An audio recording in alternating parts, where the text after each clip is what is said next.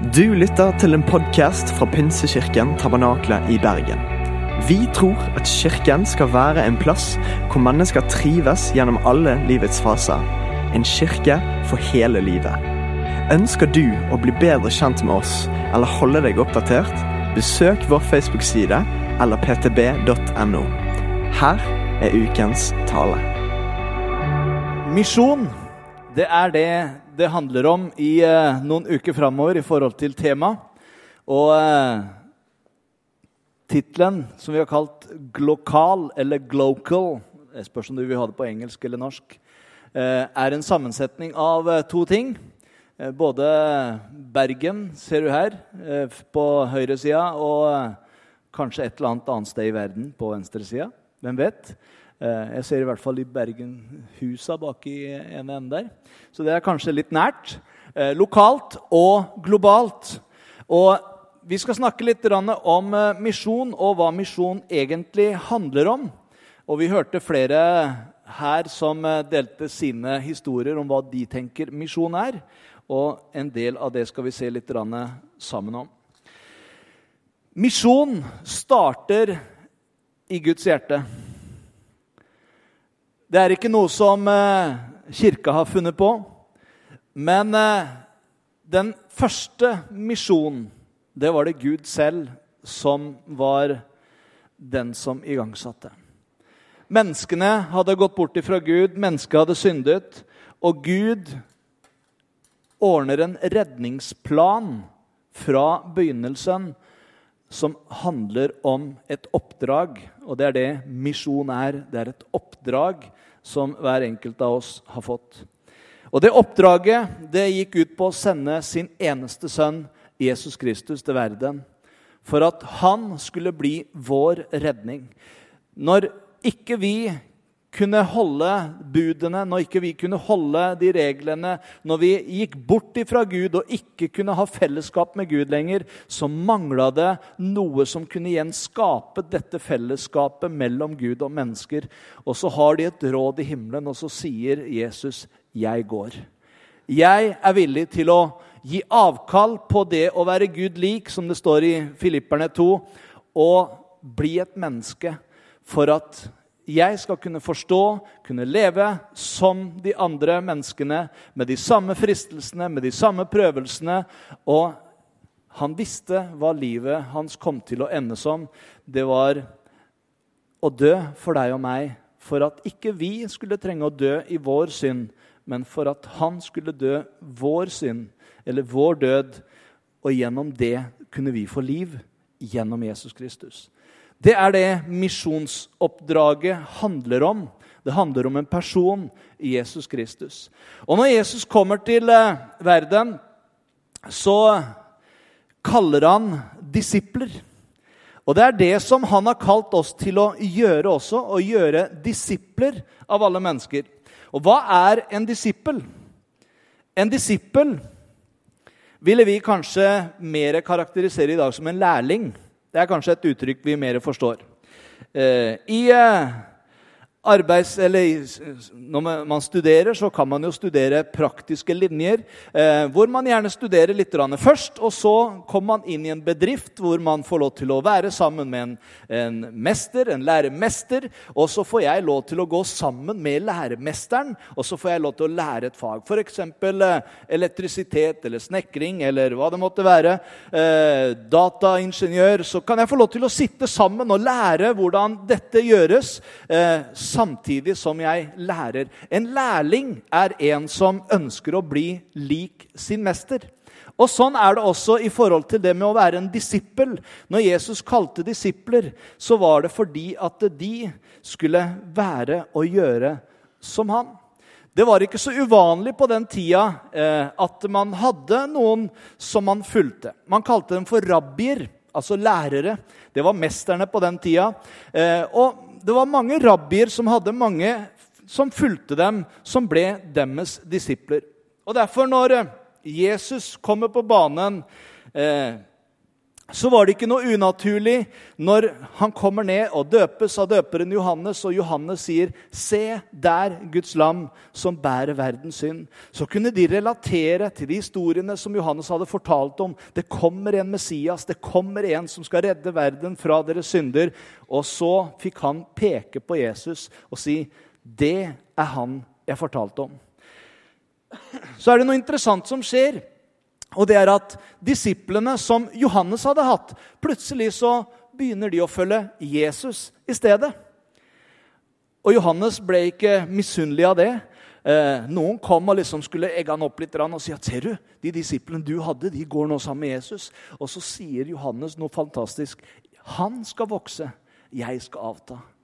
Jeg er egentlig bare en røst som roper i ødemarken, 'Bered vei for Herren'. Og han er den jeg bereder vei for. Det er han jeg har snakka om. Så følg han.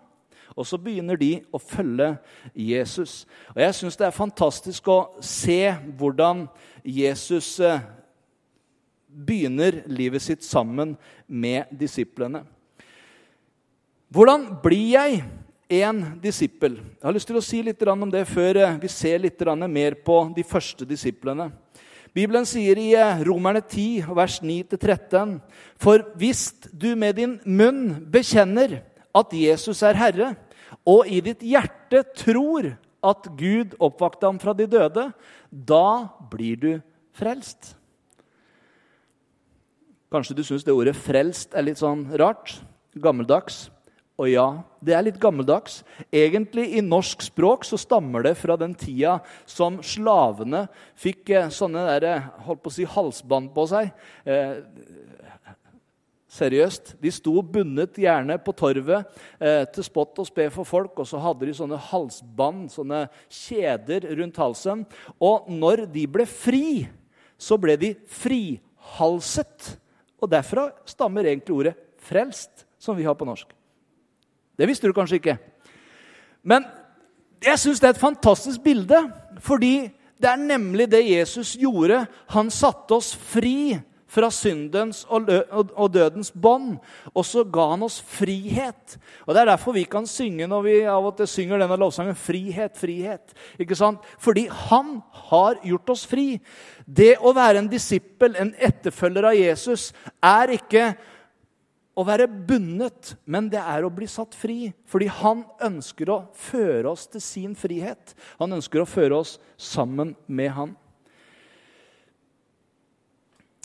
Oppdraget som eh, Jesus ga oss, og som du sikkert kommer til å høre flere ganger i løpet av denne serien, det er Matteus 28, 18-20.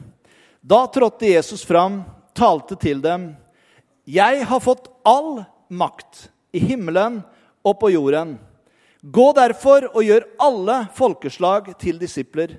Døp dem til Faderens og Sønnens og Den hellige ånds navn, og lær dem å holde alt det jeg har befalt dere. Og se, jeg er med dere alle dager inntil verdens ende. Vi kommer til å dele noen vers i dag, så du får eh, notere ned, så du kan eh, huske på det etterpå.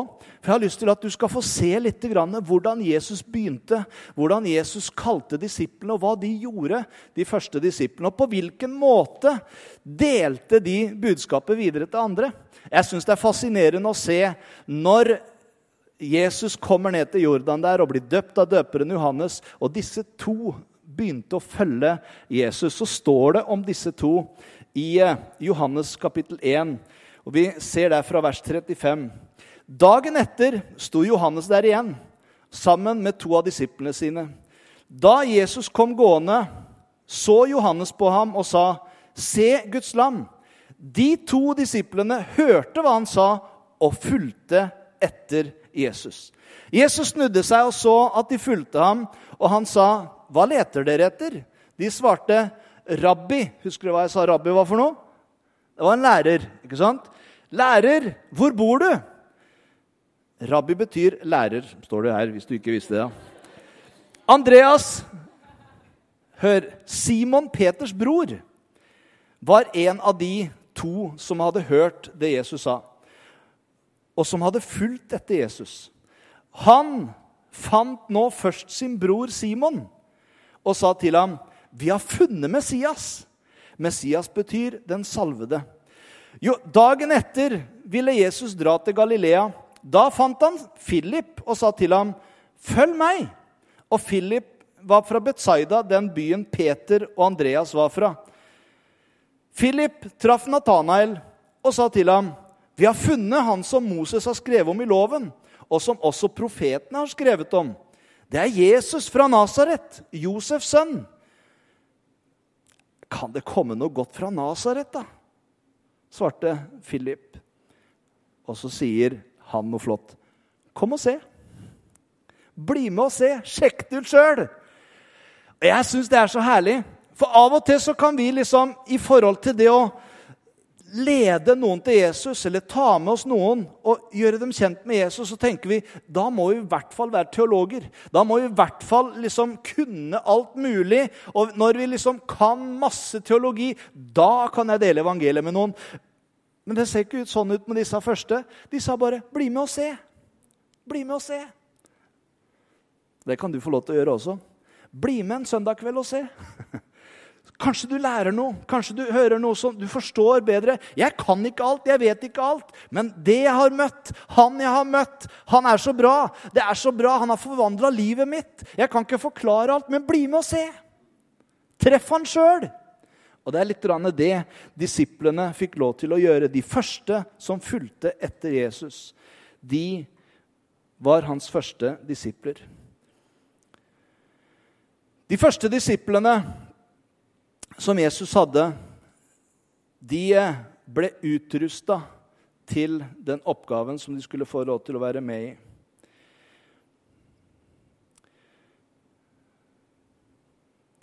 Dere skal få kraft når Den hellige ånd kommer over dere, og dere skal være mine vitner i Jerusalem og hele Judea, i Samaria og helt til jordens ende. Jeg kommer litt tilbake til det verset. Men jeg har lyst til at du skal få lov til å se at når disiplene skulle sendes ut etterpå, så skulle de sendes ut på samme måte som Jesus. Og Da skal vi se litt på hvilken måte ble Jesus sendt. Fordi Jesus er på en måte den første misjonær. Han er den som ga avkall på det å være Gud lik, og så tok han på seg en tjeners skikkelse, står det i Filipperne 2. Og så ble han menneskelik, og så gikk han her nede. Han levde sitt liv her og døde på korset for oss, for at vi gjennom han skulle få evig liv. Men hele livet hans var det noe som var utrolig viktig i Jesu tjeneste. Og det skal vi få se. Allerede fra fødselen av så var det noe som skjedde i Jesu liv. Jesus ble ikke født på en helt naturlig måte. Jeg vil si Han ble født på en naturlig måte, men hvordan han holdt på å si Maria ble gravid, eh, det var ikke helt eh, veldig naturlig. Eh, vi skal se på det litt, og selv om det ikke er helt jul ennå, så tåler du litt av juleevangeliet. La oss gå litt inn i Lukas kapittel 1, eh, og fra vers 30. Og så skal vi se litt på noe av det som står her. Men engelen sa til henne, 'Frykt ikke, Maria, for du har funnet nåde hos Gud.' Hør, du skal bli med barn og føde en sønn, og du skal gi ham navnet Jesus. Han skal være stor og kalles den høyeste sønn. Og Herren Gud skal gi han hans fars Davids trone. Han skal være konge over Jakobs hus til evig tid, og det skal ikke være ende på hans kongedømme. Maria sa til engelen, 'Hvordan skal dette skje når jeg ikke har vært sammen med noen mann?' Veldig bra spørsmål. Skal man bli gravid, så Ja. Så må det være en mann og en dame. Og Maria var allerede forelska i en mann som het Josef, men de hadde ikke vært sammen ennå. Engelen svarte, 'Den hellige ånd skal komme over deg.' 'Og den høyestes kraft skal overskygge deg.' 'Derfor skal barnet som blir født, være hellig og kalles Guds sønn.' Det som skjedde helt fra Jesu fødsel, var et mirakel. Den hellige ånd kom over Maria og skapte et liv inni Marias mors liv. Så hun fikk føde fram en sønn som var hennes sønn, men den var også Guds sønn. Og Jeg har lyst til at du skal se noen ting i forhold til Jesu tjeneste på jorda. For det første så var Jesus født av Den hellige ånd. Husk på det. Han var født ved Den hellige ånd. Gjennom Maria. Et flott samarbeid der. Den hellige ånd og Maria fikk lov til å stille seg til tjeneste og sa, 'Skje meg etter din vilje, Gud'. Det er flott å kunne si i alle deler av livet når Gud kaller oss, 'Gud, vil du bruke meg? Bruk meg sånn som du vil.' Og så fikk eh, Jesus vokse opp. Det står ikke så veldig mye om Jesus i barnet, eh, barnetida, holdt jeg på å si. Eller når han var åtte dager gammel, så står det at han ble presentert i tempelet, ble velsigna. Eh, og når han var tolv år, så var han i tempelet tilbake igjen. Og det vi skjønner, er at i løpet av den tida så hadde han lest mye. Eh, så disse her lovlærde de var forundra over den kunnskapen Jesus allerede hadde fra loven og Mosebøkene. hadde lært seg, Og de ble overveldet av den kunnskapen han hadde. Men så står det ikke så mye mer om Jesus i forhold til barnetida og ungdomstida, annet enn at han vokste i eh, både i alder og i visdom, og var til glede for Gud og mennesker. Det er det som står om han. Og så ser vi ikke Jesus igjen før denne hendelsen ved Jordan, der hvor han kommer og blir døpt av Johannes. Og da skjer det noe spesielt. Vi leser i eh, Lukas 3 og vers 21. Hele folket lot seg nå døpe og Jesus ble også døpt. Mens han sto og ba, åpnet himmelen seg, og Den hellige ånd kom ned over ham i skikkelse av en due. Og en røst lød fra himmelen, Du er min sønn, den elskede. I deg har jeg min glede. Den hellige ånd er igjen en viktig del av Jesu liv. Først i fødselen. Den hellige ånd skal komme over deg. Her er det andre gangen vi ser nettopp det i forhold til starten av Jesu tjeneste. Og Da står det at Den hellige ånd kom over han og fylte han. Så ser vi én ting til i forhold til Jesu liv. At Jesus han ble leda av Den hellige ånd. Han var født ved Den hellige ånd, han ble fylt med Den hellige ånd. Og så får vi et uttrykk til. Han var leda av Den hellige ånd. Kapittel 4 i Lukas vers 1. Fylt av Den hellige ånd vendte Jesus tilbake fra Jordan. Drevet av ånden ble han ført omkring i ødemarken. Og Du kan gjerne lese videre om det, hvordan Jesus der ble frista eh, tre ganger. Og hver gang så gikk han seirende ut med å si 'Det står skrevet'. Bibelen sier, Guds ord sier, sånn er det. Og så gikk han tilbake etterpå, full av Den hellige ånd. Og når vi ser eh, videre, så ser vi i åndens kraft vendte Jesus tilbake til Galilea. Og ryktet om han spredte seg over hele området. Han underviste i synagogene og fikk lovord av alle. Han kom også til Nasaret, hvor han var vokst opp, og på sabbaten gikk han inn i synagogen slik han pleide. Da han reiste seg for å lese, rakte de ham profeten Jesajas bok. Han åpnet bokrullen. De hadde jo ikke bøker med sånne blader eh, på den tida. De hadde noen sånne ruller som de rulla ut, og så leste de liksom Hvilken vei de leste, vet jeg ikke helt. Men i hvert fall de, de rulla seg utover liksom, i, i, de forskjellige kapitlene eh, og leste.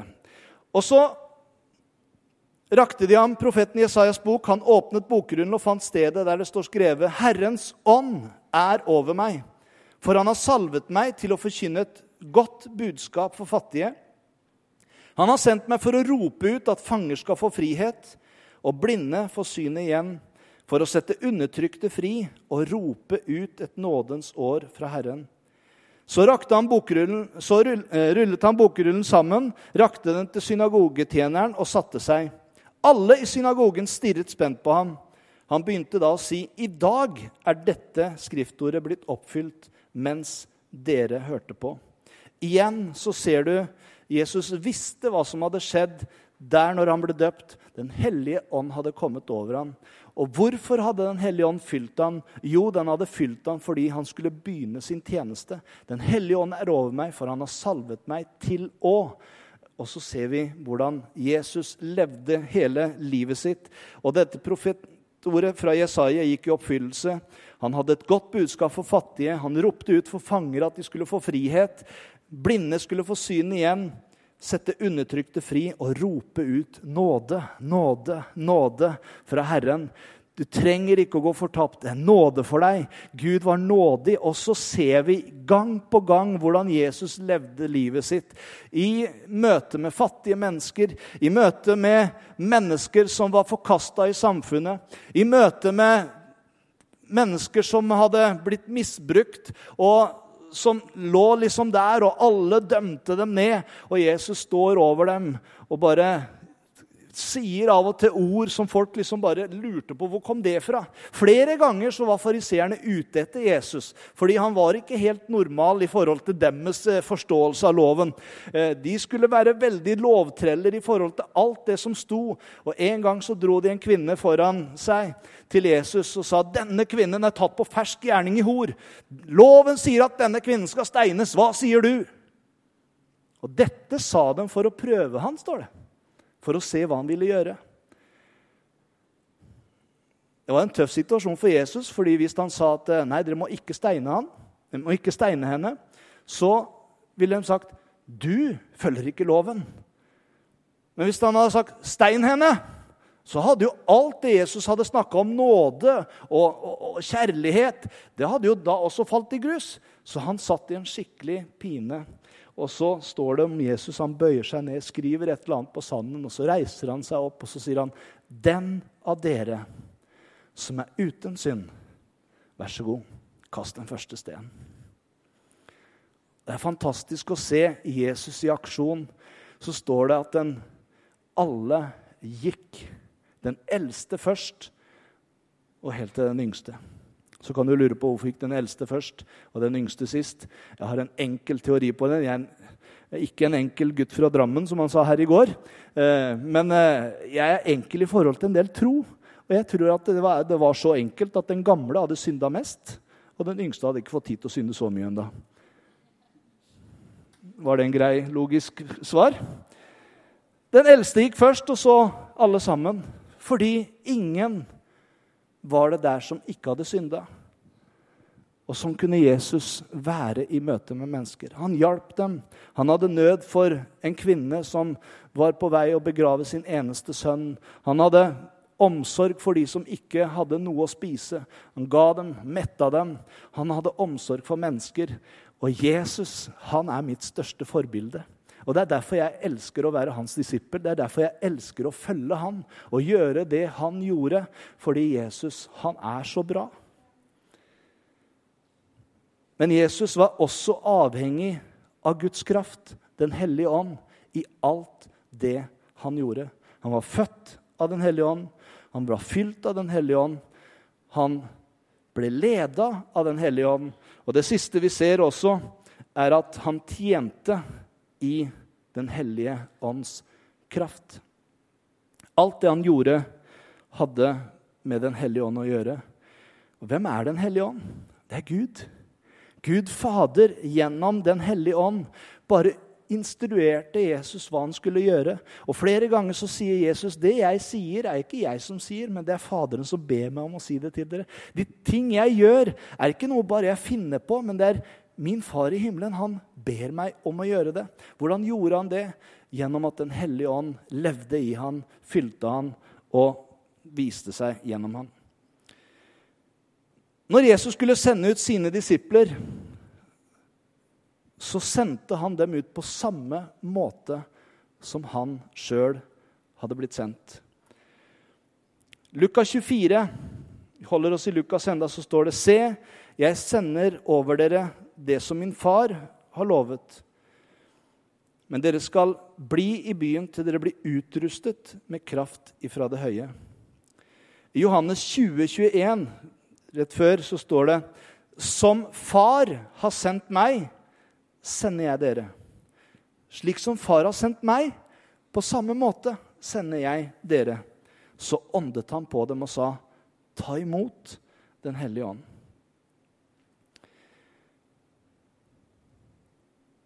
Bli i Jerusalem. Når disiplene hadde gått sammen med Jesus, og Jesus skulle dra av gårde, så var de så gira, de var så betatt av Jesus. De hadde vært deprimert noen dager før når Jesus sa, 'Vet du hva, nå skal jeg dø for deres synder.' 'Jeg skal bli tatt til fange, og jeg skal dø.' Og så var de med på begravelsen. De var med og så at Jesus ble begravet. Og så gikk de hjem til seg. Og jeg syns jeg ser noe av den Og vi som trodde. Og vi som på en måte hadde håpa at nå, liksom Lederen vår, rabbien vår, han som vi fulgte etter, han som sa 'følg meg, gjør som jeg', vær mine disipler. Og så bare dør han. Men så var det noen som hadde sagt ja, men husker dere han sa han skulle stå opp igjen? Men det var liksom så uvirkelig alt sammen. Og plutselig så kommer det noen kvinner tidlig på søndags morgen og forteller graven er tom. Han har stått opp igjen. Og så opplever de hele den tida etterpå hvordan Jesus viser seg for dem etter sin død og oppstandelse. Og går sammen med dem i 40 dager, spiser sammen med dem, er den samme, møter mennesker. Ca. 500 på en gang hadde vært sammen og sett Jesus etter oppstandelsen. Og så fikk han lov til å være sammen med dem. Og Det er da de var gira. Da hadde de lyst til å bare ut og begynne å fortelle om det med en gang. Men det er da Jesus sier, 'Bli Jerusalem. Dere trenger en kraft på innsida.' Dere trenger Den hellige ånd. Fordi når jeg sender dere, så vil jeg ikke at dere skal gå uten den hjelpa. Jeg vil at på samme måte som jeg ble sendt, så skal dere bli sendt. Og så sier han, 'Vent til dere får den kraften ifra det høye'. Men jeg sier dere sannheten, og så sier han litt om Den hellige ånd. Det er til det beste for dere at jeg går bort. For dersom jeg ikke går bort, kommer ikke talsmannen til dere. Talsmannen er et annet navn på Den hellige ånd. Men går jeg bort, så kan jeg sende han til dere. Og når han kommer, skal han gå til i rette med verden og vise hva synd er, hva rettferdighet er, og hva dommen er. Synden er at de ikke tror på meg. Rettferdigheten er at jeg går til far, og at dere ikke ser meg lenger. Og dommen er at denne verdens fyrste er dømt. Jeg syns det er så bra. Av og til så kan vi tenke hva er dommen? Jo, det er at jeg, arme synder, synder hver eneste dag. Handling, gjerning og jord. Og, og så føler vi liksom dommen, den har blitt vår. Nei, sier Jesus. Dommen, den har jeg tatt meg av. Jeg har dømt han som var grunnen til at dere ikke kunne bli frelst. Han er dømt, og dere er fri. Dere har fått nåde. Han er dømt. Og Jeg vil at du skal se det. Og det er det som er hele evangeliet. Vi trenger ikke å gå fortapt. Vi kan gå og bli frelst. Vi kan få lov til å leve i evighet sammen med Jesus. Og det er det som er evangeliet, det glade budskapet. Men når talsmannen, når sannheten sånn kommer, skal han veilede dere til hele sannheten. For han skal ikke tale ut fra seg selv, men si det han hører, og gjøre kjent for dere det som skal komme. Og Hva var det Jesus hadde sagt for noe? Det far ber meg om å gjøre, det er det jeg gjør. Og hva sier han til disiplene nå? Det Den hellige ånd leder dere til og veileder dere til. Han kommer til å fortelle dere hva dere skal gjøre. Ikke vær bekymra. Han kommer til å gi dere ord. Han kommer til å vise dere hva dere skal gjøre. Når dere ikke vet og står og lurer på hvor går jeg nå? Nå, så vent. Så skal Den hellige ånd veilede dere. Dere kommer ikke til å være alene. Han skal herliggjøre meg, for han skal ta For han skal ta av det som er mitt, og forkynne for dere. Alt det som min far har, det er mitt. Derfor sa jeg at han skal ta det som er mitt, og forkynne for dere. Så sier han videre i Apostlenes gjerninger 1,8.: Men dere, dere skal få kraft når Den hellige ånd kommer over dere. Dere kommer til å få kraft. Dere skal få hjelp. Og da kan dere være mine vitner. I Jerusalem, i hele Judea, i Samaria og helt til jordens ende. Og så kan du lese Da pinsedagen kom, står det, så var de alle samla på et sted. Og så skjedde nettopp dette. Den hellige ånd kom. Da ble de alle fylt med Den hellige ånd, og de begynte å tale med andre språk ettersom ånden ga dem å forkynne. Det skjedde et under den dagen. Det var masse folk fra flere forskjellige land, og så ga Gud dem tunger som de kunne forkynne evangeliet. Og de folka som sto der, de ble forundra å høre at de hørte dem tale om Guds storhet på sitt språk. Og så skjer det noe som en reaksjon på den talen. Noen de mobba litt og sier de er fulle. De har sikkert noen ville sagt de er dritings. Du skjønner, de må, de må drikke hele natta. Nei. Så kommer Peter fram og så sier han, det er jo bare ni på morgenen. Det er jo ingen som drikker på den tida. Skal man drikke seg full, så er det jo på kvelden og natta. De drikker ikke tidlig på morgenen. Det er ikke sånn. Vi har ikke drukket vin. Men det som har skjedd, det er det som Joel fortalte om. I de siste dager skal det skje at jeg utøser min ånd over alt kjød. Og det er det dere ser og opplever. Og så deler han evangeliet. Denne Peter, som bare noen dager før hadde banna på at han ikke kjente Jesus, opplevde hvordan Den hellige ånd bare fylte han og ga han den kraften som Jesus hadde fortalt om. Og så står han sammen med de elleve står det, og forkynner evangeliet. Og 3000 mennesker blir frelst den dagen og blir døpt og kommer inn i fellesskapet.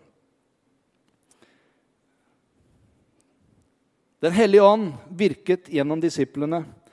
Han sa til dem, 'Gå ut i hele verden og forkynn evangeliet for alt som Gud har skapt.' Den som tror og blir døpt, skal bli frelst. Den som ikke tror, skal bli fordømt. Og disse tegn skal følge den som tror. Så står det flere ting som et tegn i forhold til det. Og så står det i vers 20. Jeg elsker vers 20. Det er mange som avslutter disse versene med at Eh, etter at Jesus hadde eh, med vers 18 at de skal legge hendene på de syke, og de skal bli friske, og så slutter de der. Men så står det etter at Jesus hadde talt til dem, ble han tatt opp til himmelen og satte seg ved Guds høyre hånd.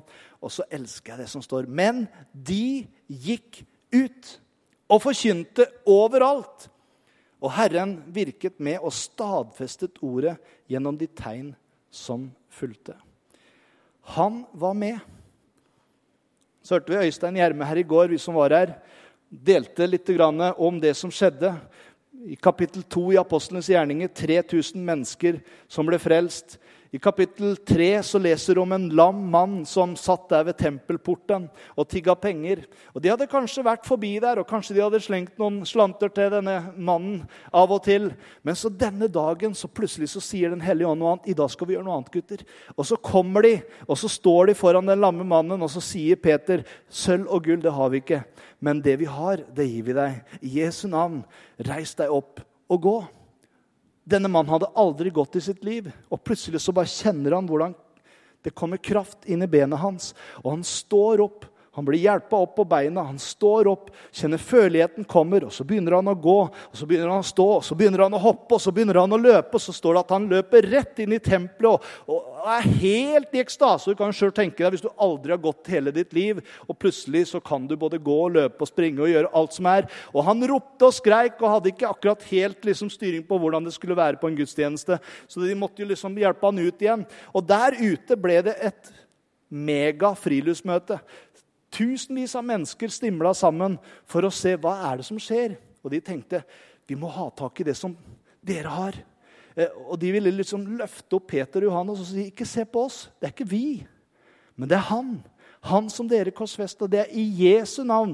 Han er det som er grunnen til at denne mannen står her, som dere ser nå. Og så ble det evangeliet forkynt igjen, og så står det resultatet av det ble 5000 frelst den dagen. Fantastisk. Så kan du lese om hvordan disiplene ble sendt rundt. Philip kommer til Samaria. Eh, I kapittel 8 så ser du hvordan han kommer dit. Og Ikke lenge etterpå så står det Samaria har tatt imot evangeliet. Sender beskjed til Peter og Johannes, og de kommer opp og de ser hva som har skjedd der. Og plutselig, midt i den vekkelsen som han står i, så sender Gud han liksom til et helt øde sted. Jeg tenker, Her må vi jo bygge menighet, og hele byen er jo frelst. Så blir han sendt dit, og så er det én mann som Gud tenker på, som er viktig. Det, det ligner så Gud. Han er interessert i massene, men han er også interessert i den ene. Og så sender han Philip dit. Og så er det så utrolig spennende å leve sammen med Jesus og bli ledet av Den hellige ånd. Og så, så, sier han, 'Ja, hva skal jeg gjøre her?' Og så plutselig så ser han en vogn som kommer. Hester foran, og inni der så ser han det her er ikke en hvilken som helst vogn. Og det var det heller ikke. For det var eh, faktisk en av de som jobba for dronning Kandake, som kom.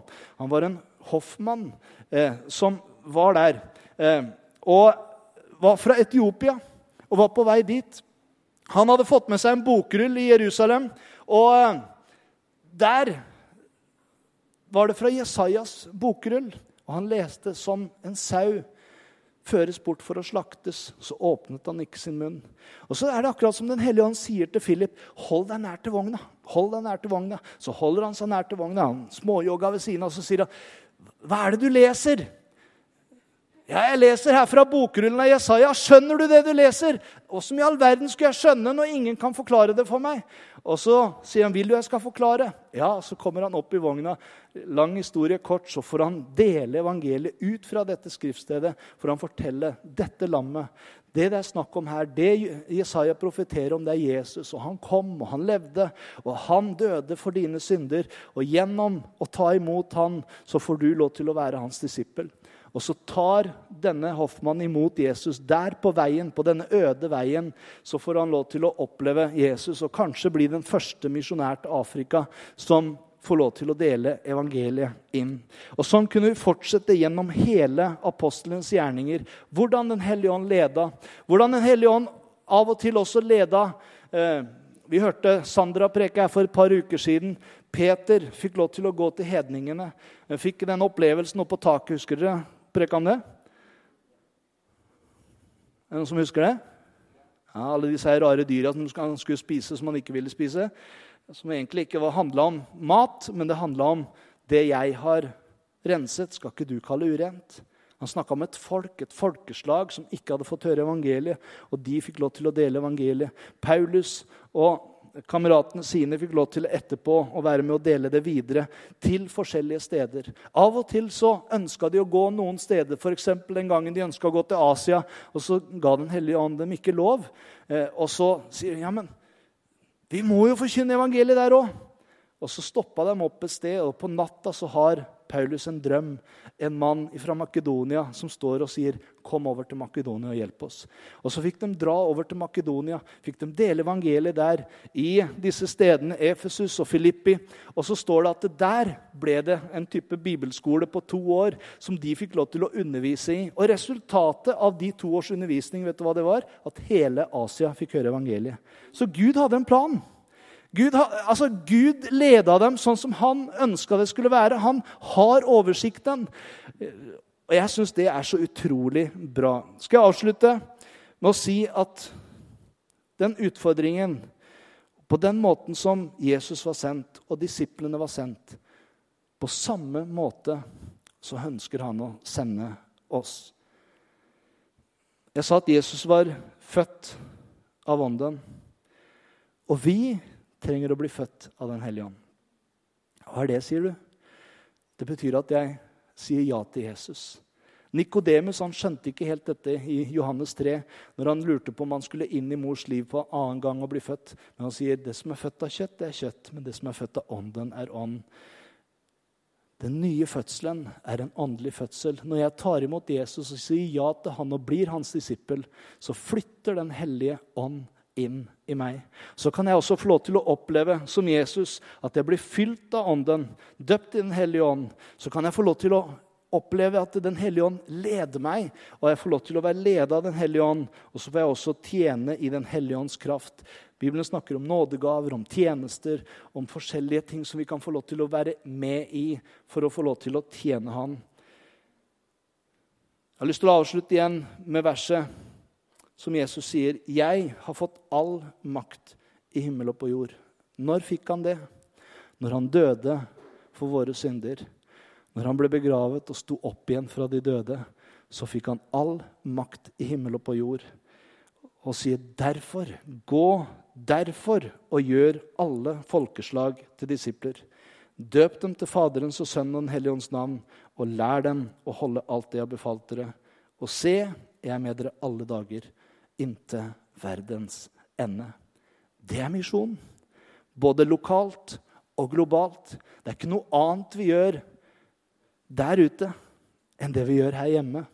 Det handler om å dele Jesus med mennesker. Det handler om å fortelle om Han som ga sitt liv for at vi skulle få liv.